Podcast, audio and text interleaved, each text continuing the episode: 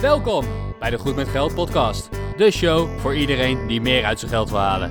Of je nu als millennial eerder wil stoppen met werken of gewoon graag je financiën op orde wil hebben, hier ben je aan het juiste adres, want hier ben je goed met geld. Dit is aflevering 23 van Goed met Geld. En ik ben Bas van firetheboss.eu. En ik ben Arjan van stoppenvoormijn50ste.nl. En samen maken we deze podcast om Nederland goed met geld te maken. Want bloggen, dat kunnen we al. En nu zitten we dus weer achter de microfoon om over geld te praten. Ja, Bas, vorige week hebben we het al aangekondigd. Hè? Eh, we gaan door tot januari. En het, het, was een beetje een sneak preview. Wat, wat gaat er nou gebeuren? Maar ondertussen, we zitten nu begin juli dat deze aflevering uitgezonden gaat worden. En eh, het mag de wereld in, Bas. Ja, nee, uh, super gaaf om dit te mogen aankondigen. Wij gaan een samenwerking aan met het Belasting- en Douane Museum in Rotterdam. En op 12 januari 2020, dus het is nog ver weg, gaan wij live een podcast opnemen in het BD Museum. Waar gasten live bij aanwezig kunnen zijn, vragen kunnen stellen. Ja, en op die manier gaan we kijken of we de mensen die naar de Gek op Geld tentoonstelling van het BD Museum komen, een stukje mee kunnen nemen in de Goed met Geld podcast. En ja, zodat we live kunnen laten zien hoe bereiden we een aflevering voor, hoe nemen we hem op. En ook ja, aan jou, als je erbij bent, de kans kunnen geven om vragen te stellen. Ja, niet meer de, de Goed met Geld podcast, maar de Goed met Geld on stage. Uh, inderdaad, uh, houd vooral even de, de website van het museum in de gaten. Daar vind je natuurlijk alle informatie, ook uh, hoe je kaartjes kan kopen en zulke dingen kan reserveren. Ehm, ja, dat, wij zijn er heel enthousiast over, dus houd het vooral in de gaten. Wij linken sowieso even in de show notes naar deze website. Uh, die ga je dit keer vinden op www.goedmetgeldpodcast.nl slash 023 voor aflevering 23. Vandaag gaan wij verder met aflevering 3 van onze miniserie om alle verschrikkelijk moeilijke systemen die wij in Nederland hebben rondom geld uh, uit te lichten en proberen te verduidelijken aan jou. Uh, en vandaag, wij, wij zijn de Goed met Geld podcast en normaal hebben we het over goed met geld bezig zijn. Hoe hou je het geld beter binnen of hoe kan je meer verdienen? Uh, hoe hou je het vooral binnen? Hoe kan je minder uitgeven? En vandaag gaan we ja, een, een stap de andere kant op. Hoe zorg je dat je goed van je geld afkomt? Dat, dat klinkt heel raar misschien, maar ik denk aan het eind van de uitzending dat je zegt van... Hmm, ja, daar, daar kan ik ook wat mee. Dat is goed dat er ook over nagedacht wordt. We gaan het namelijk vandaag hebben over uh, schenken en doneren. Ja, je krijgt te maken met uh, schenken en gewoon aan uh, jouw kinderen bijvoorbeeld of aan jouw uh, kleinkinderen het, het schenken bij leven, zoals dat ook wel eens volgens de belasting genoemd wordt. Um, vervolgens heb je ook, het, he, je, overlijdt een keer, dat, dat is een ding wat zeker is. Hoe wordt er dan met dat geld omgegaan? Jouw erven moeten uiteindelijk ook belasting betalen mogelijk over jouw geld, wat zij van jou erven. Dus ja, hoe, hoe kan je daar nou goed op voorbereiden? Hoe zit dat nou met die regeltjes? En uiteindelijk, je kan ook schenken en doneren aan goede doelen. Culturele instellingen, zogenaamde ANBI-instellingen. Dat zijn algemeen nutbeogende instellingen. Die zijn door de Belastingdienst aangemerkt als... oké, okay, deze, deze instelling heeft verder geen winstoogmerk. Uh, die mag jij dus inderdaad uh, schenken. En in een bepaalde mate mag je daar zelfs belastingvrij aan schenken. Uh, Bas, wat, heb jij enige ervaring met op deze manier van je geld afkomen? Uh, nee, eigenlijk niet. Ik heb daar nog nooit echt heel erg over nagedacht. Um, maar wat denk ik wel van belang is, is als jij goed met geld wordt, dat je ook rekening gaat houden met ja, hoe ga je uiteindelijk je vermogen overdragen, uh, dan wel aan jouw erfgenamen, dan wel aan goede doelen. En ja, waar je mee te maken gaat krijgen is een schenkbelasting en een erfbelasting. Ik denk dat dat een goede uh, eerste stap is om daar even in te duiken. Want ja, kijk, op het moment dat jij vermogen hebt en dat aan iemand anders geeft, dan wil de Belastingdienst heel graag daar een stukje van krijgen. En dat klinkt misschien heel dubbel of heel onterecht. Want ja, je hebt het geld een keer verdiend. Toen heb je er al inkomstenbelasting over betaald. Vervolgens heb je dat vermogen in bezit gehad. Heb je al een keer vermogensrendementsheffing erover betaald. En dan op het moment dat je het gaat schenken of dat jij komt te overlijden en jouw uh, erfgenamen krijgen een deel van jouw vermogen. Dan moet daar nog een keer belasting over datzelfde geld betaald worden. Dat klinkt misschien heel dubbel, heel krom. Maar aan de andere kant wat erachter zit, het is ook een, ja, een middel om te voorkomen dat via schenkingen allerlei achterdeurtjes in ons belastingssysteem gaan, uh, gaan ontstaan. Ja, en over schenken en erven is gewoon best wel wat, uh, wat onduidelijkheid. Arjen en ik hebben zojuist even gekeken naar de regelgeving die op de website van de Belastingdienst genoemd wordt. En ja, het is inderdaad best wel complex. Laten we beginnen met de schenkbelasting. Arjan, kan jij daar een inleiding in geven? Ja, uh, schenken. je, je bent ouder en jij denkt van... hé, hey, ik wil mijn kinderen graag financieel ondersteunen. Ze zijn nog aan het studeren of zijn net op zichzelf gaan wonen. Uh, je wil graag wat, wat financiële support aan ze geven. Nou, de Belastingdienst zegt daarbij van... nou, dat, dat is prima, dat mag, dat snappen we. Uh, en dat mag tot een bepaalde hoogte, mag dat zelfs gewoon belastingvrij. Geen probleem, kan gewoon. Jaarlijks mag jij aan jouw kinderen mag je 5400 euro schenken. Belastingvrij, gewoon in één keer hier heb je 5400 euro. Nou, dat, dat is heel fijn. Um, stel je hebt kleinkinderen, die mag je ook uh, een schenking doen. Die is wel wat lager, die is uh, 2100 euro. Dus uh, hou daar even rekening mee. Op het moment dat jouw schenking onder dat bedrag is, hoeft hoef daar geen belasting over betaald te worden. Ja, dus het is een hele uh, toegankelijke manier om alvast bij leven een deel van je vermogen over te gaan dragen. Zeker voor vermogende mensen. Op het moment dat je komt te overlijden, dan zal afhankelijk van de relatie van de erfgenaam tot jou, um, ja, moet, er erfbelasting betaald gaan worden. Maar op het moment dat je bij leven al kunt schenken, ja, dat, dat is een manier om alvast een deel van de erfenis uh, aan kinderen en of uh, kleinkinderen over te dragen. En op het moment dat je onder deze bedragen blijft, uh, we zullen ze ook noemen in de show notes en ze zijn te vinden op de website van de Belastingdienst. Waarschijnlijk veranderen ze elk jaar. maar als je onder die bedragen blijft, ja, dan kan je dus al bij leven een deel van jouw vermogen belastingvrij overdragen aan, aan kinderen en of kleinkinderen. Let er wel op, wij geven hier geen belastingadvies. Zoek zelf een, een erkende belastingadviseur op of doe je eigen onderzoek naar dit soort uh, zaken. Uh, wij geven hier alleen wat informatie over hoe wij denken dat de vork in de stil. Ja, dat is even inderdaad belangrijk om mee te nemen. Die adviesrol hebben wij gewoon niet. We geven heel veel tips en tricks van hey, let daar ook eens op.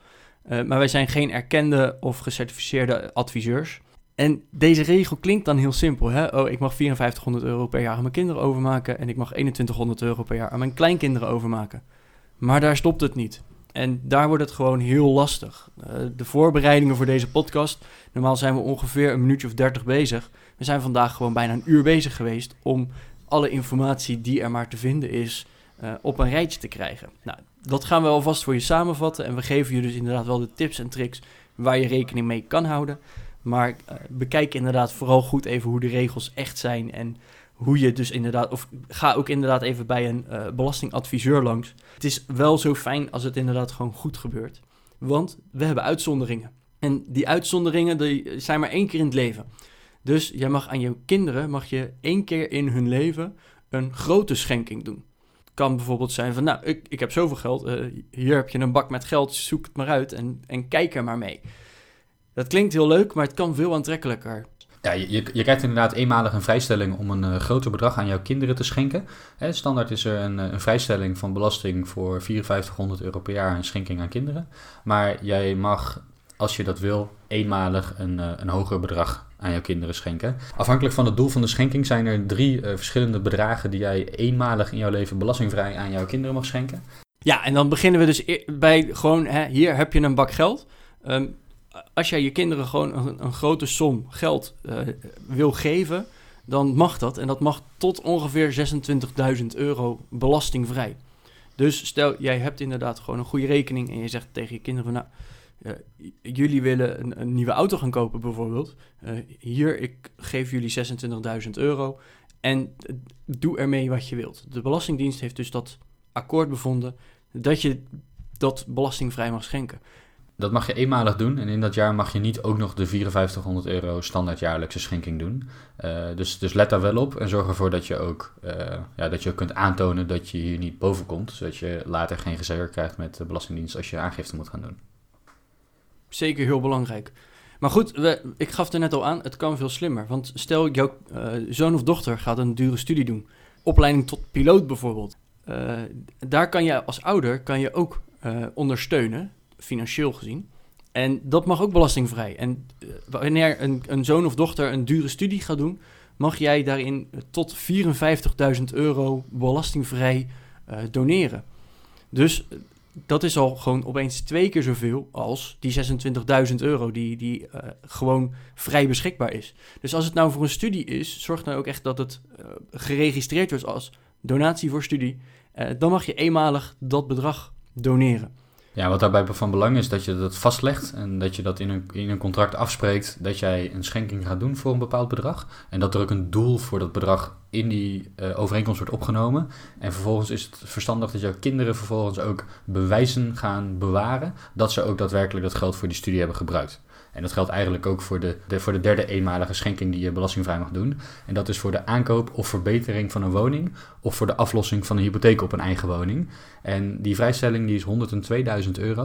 Dus op het moment dat jij vermogend bent en jouw kinderen wil helpen met de aankoop van een huis of de aflossing van een hypotheek, dan kun je eenmalig in jouw leven 102.000 euro uh, belastingvrij schenken. En volgens mij mogen grootouders dat ook doen. Zeker wel. Dus hè, opa en oma mogen jou 2100 eh, euro per jaar gewoon belastingvrij schenken. En eenmalig mogen ze 102.000 euro schenken.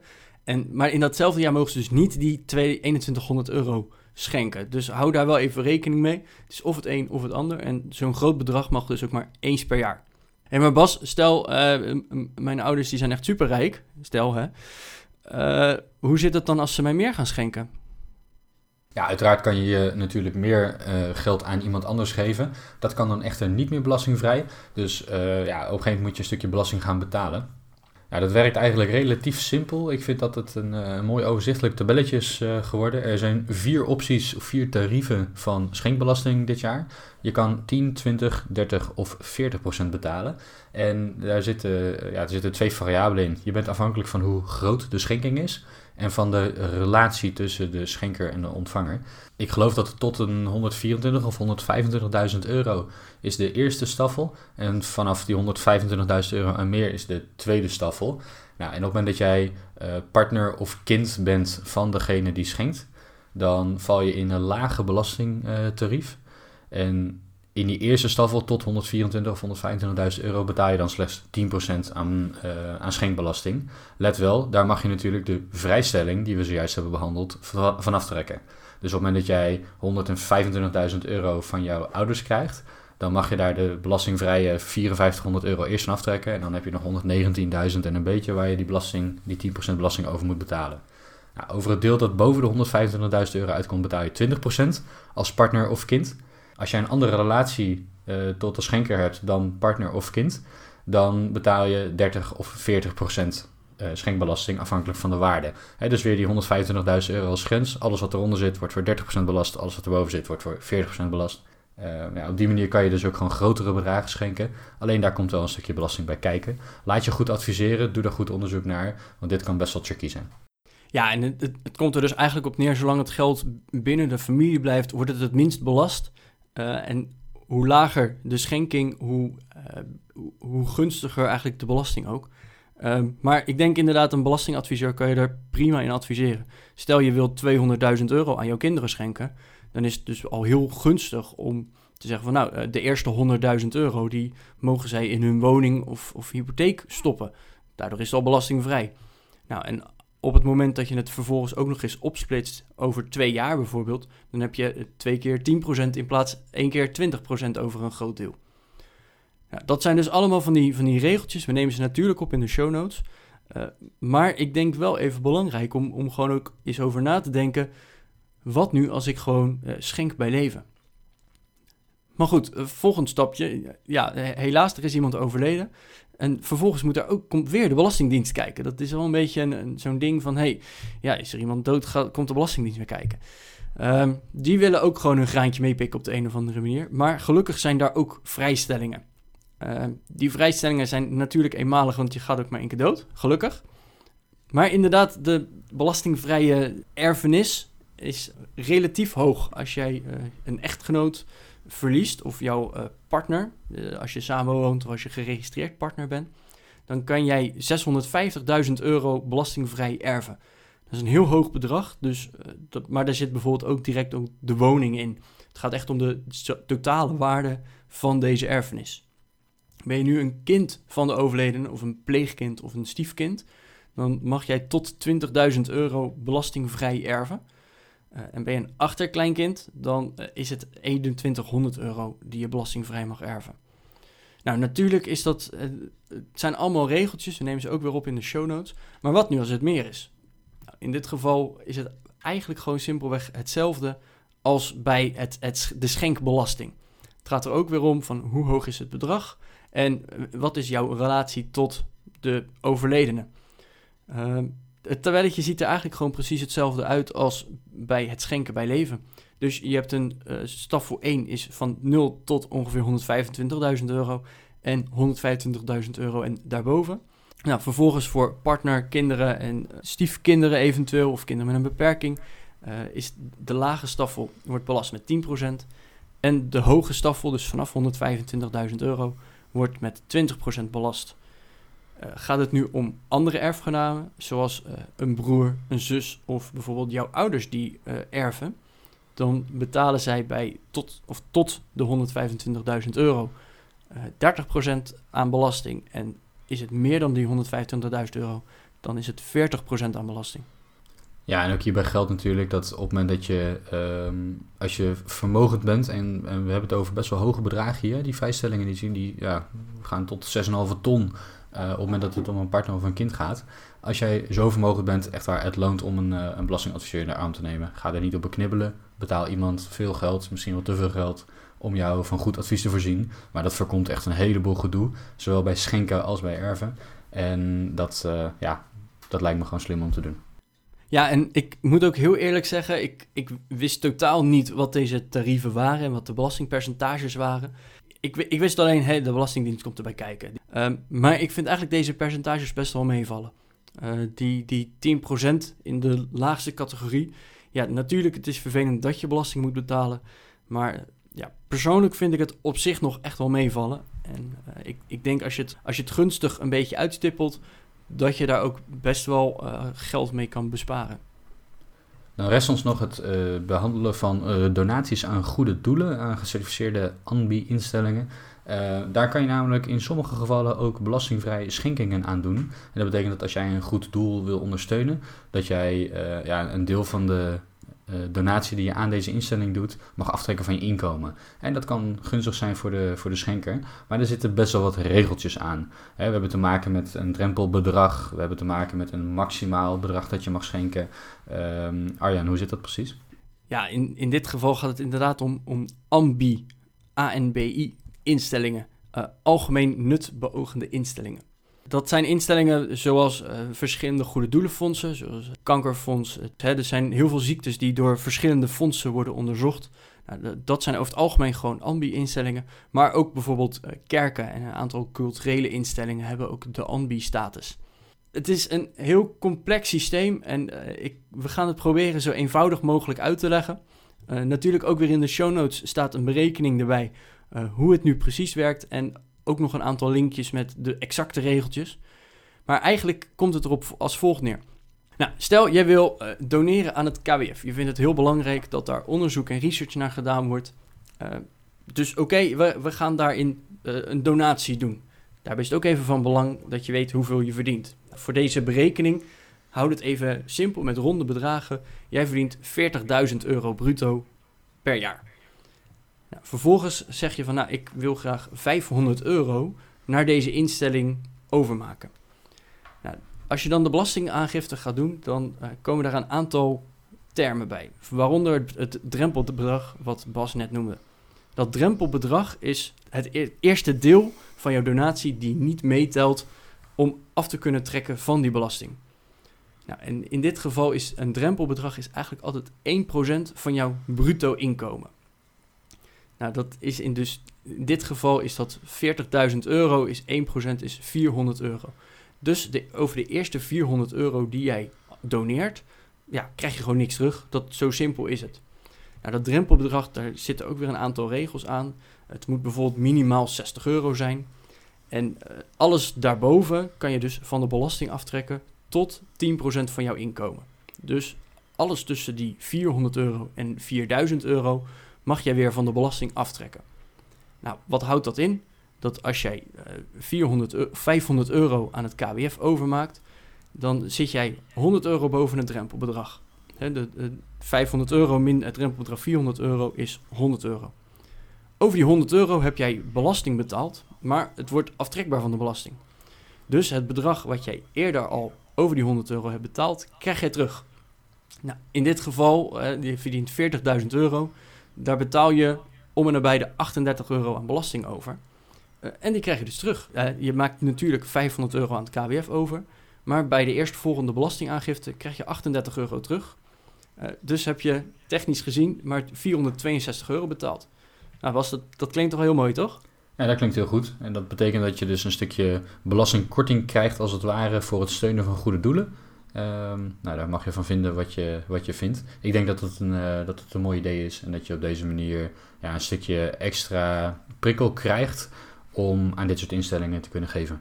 Ja, hey, maar Bas, stel nou, uh, ik, ik wil dit jaar 500 euro overmaken en volgend jaar weet ik nu al dat ik dat weer ga doen. Dan kan het ook nog slimmer. Hè? Want we kregen nu 38 euro terug. Maar stel nou dat we zeggen van oké, nou het is nu uh, december bijvoorbeeld.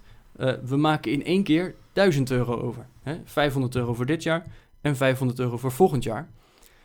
Dan zit je wel met hetzelfde drempelbedrag. Want je verdient nog steeds 40.000 euro. En het drempelbedrag is nog steeds die 400 euro. In plaats dat het dan 100 euro is wat je boven dat drempelbedrag zit, zit je opeens 600 euro boven het drempelbedrag. Die 600 euro is dus belastingaftrekbaar. En over die 600 euro heb je 228 euro belasting betaald. Dus die krijg je terug.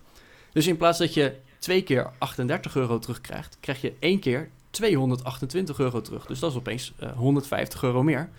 Door het ja, net een beetje gunstig over te maken. Dat, dat, het is toch makkelijk geld verdienen op deze manier, hè? Ja, op deze manier, als je goed plant als het ware met jouw giften. Als je goed plant wanneer je dit gaat doen en je weet van... nou, ik wil dit jaar en volgend jaar een schenking doen... of een, ja, een gift aan een goed doel doen... dan kun je dus op die manier, uh, door een beetje slim te plannen uh, ja, wat effectiever met je belastingbetaling omgaan.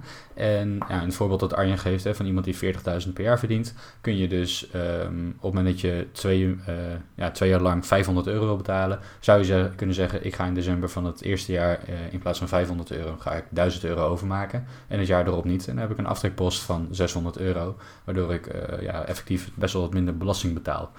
Wat je ook nog kan doen, is dat je voor een uh, langere periode vast laat leggen dat je giften gaat doen. Dan moet je voor minimaal vijf jaar toezeggen dat je, dat je giften gaat doen. En dan geldt de gehele drempel niet. Hè. Dus die 1% die, uh, die niet aftrekbaar is, die 1% van je bruto inkomen, die, die valt dan vrij. En dat betekent dus dat als jij 500 euro per jaar uh, geeft, dat jij de volle 500 euro mag aftrekken. Ja, dat, dat kan best wel interessant zijn. Maar goed, daarvoor moet je wel laten vastleggen dat jij minstens vijf jaar lang elk jaar uh, die gift gaat doen. Ja, Bas, je zegt laten vastleggen. Uh, ik heb er toevallig ervaring mee. Vroeger moest je inderdaad naar de notaris om het vast te laten leggen. Dus je betaalde de notaris sowieso al uh, geld om dat helemaal te regelen. Tegenwoordig is een contractje met die instellingen al voldoende. Dus het is echt een formuliertje invullen, krabbel eronder en je houden aan dat contract. Want het is ja, een contract wat je met die instelling aangaat. Maar het kost je dus verder niks en het is echt niet meer dan hè, dat, dat formuliertje invullen. Je moet je er wel aan houden. Dus uh, hè, als je toezegt dat je vijf jaar uh, die 500 euro gaat overmaken, dan moet je dat ook wel doen. Want als je dat één jaar niet doet, dan uh, moet je de hele belastingvoordeelrits weer terug gaan betalen. dus hou je dan wel aan zo'n contract. Maar stel hè, dat, dat je inderdaad toezegt, ik met mijn 40.000 euro inkomen doneer ik elk jaar 500 euro voor tenminste vijf jaar dan heb je geen drempelbedrag. Uh, en ja, dat, dan mag je opeens die 500 euro aftrekken elk jaar. En uh, dan krijg je opeens gewoon 190 euro terug elk jaar. Dus dat is gewoon vijf keer 190 euro die, uh, die je gewoon terugkrijgt. Ja, dit klinkt natuurlijk allemaal heel interessant. Um, op het moment dat jij giften doet, dan zal je hier misschien al een keer te maken mee hebben gehad. Maar ja, wij zouden toch willen adviseren, kijk hier nog eens goed naar. Kijk naar de giften die je doet en naar de instellingen uh, waaraan je deze donaties geeft. Ja, en, en, probeer gewoon eens te kijken van, kan ik dat slimmer aanpakken? Want ja, het motto van Goed met Geld is dat wij jullie goed met geld willen maken. En wat ik persoonlijk heel belangrijk vind, is dat mensen heel bewust worden van wat ze doen met geld. Het feit dat jij dure vakanties hebt of een uh, dure auto koopt, dat maakt me helemaal niks uit. moet iedereen zelf weten als jij het maar bewust doet. Dat bewustzijn, dat vind ik ook heel belangrijk in dit soort situaties. Dus op het moment dat jij giften doet, je bent super goed bezig. Je bent goed met geld en ja, een deel daarvan geef je aan een goed doel. Dat is waanzinnig. Maar probeer daar wel slim mee om te gaan. Wees je bewust van de regels die er zijn. En zorg ervoor dat je op die manier wat efficiënter kunt geven. Ik denk dat dat een uh, goede afsluiter voor vandaag is, Arjen. Ja, helemaal eens. Dat, lees vooral even alle regeltjes terug. Wij zorgen in ieder geval dat er een gigantische lijst met linkjes uh, in de show notes komen te staan. Zodat je in, in ieder geval even wat verder kan lezen. Um, zorg in ieder geval dat je je laat adviseren en, dat je je goed inleest op al deze materie. Het, het is en blijft hele lastige materie, maar uh, wij hopen in ieder geval dat je nu na deze aflevering toch weet hoe je in ieder geval op een hele slimme manier van je geld af kan komen. Ja, en dat is toch iets wat anders dan waar we het de afgelopen 22 afleveringen over gehad hebben. Hey, als jij deze aflevering nou leuk vond, uh, zorg ervoor dat je je op Spotify of Apple Podcasts of waar je dan ook luistert, dat je je abonneert. Want dan ja, krijg je elke week netjes de melding dat er een nieuwe aflevering is en dan hoef je ons nooit meer te missen. Doe dat gewoon. Uh, het is heel makkelijk. één klik en je bent klaar. Wat je ook zou kunnen doen om ons te helpen is een rating en een review achter te laten. Als je dat doet, krijgen meer mensen in de zoekresultaten onze podcast te zien. En dan help jij mee om Nederland goed met geld te maken. Dat zou super tof zijn. Wij vonden het fantastisch om vandaag weer een aflevering voor jullie op te nemen. En we hopen jullie volgende week terug te zien. Ja, en Bas, natuurlijk, we, we vinden het ook gewoon superleuk om gewoon reacties te krijgen. Een mailtje, een, een berichtje, iets onder de show notes. Dus uh, schroom ook vooral niet om even contact met ons op te nemen als je nog ergens een vraag over hebt. Of als je zegt van, hey, behandel dat onderwerp nou ook eens. Want uh, daar staan wij heel erg voor open en dat vinden wij eigenlijk alleen maar leuk. Van twee van jullie hebben we al suggesties ontvangen voor afleveringen. Ja, dat is waanzinnig. Uh, die behandelen we graag. Um, dus doe dat gewoon. Hè. Via goedmetgeldpodcast.nl kan je contact met ons opnemen. En ook op social media zijn we te vinden. Wij vonden het dan zinnig om vandaag weer een aflevering voor jullie op te nemen. En we hopen dat jullie volgende week weer luisteren naar Goed met Geld. Tot volgende week. Tot volgende week.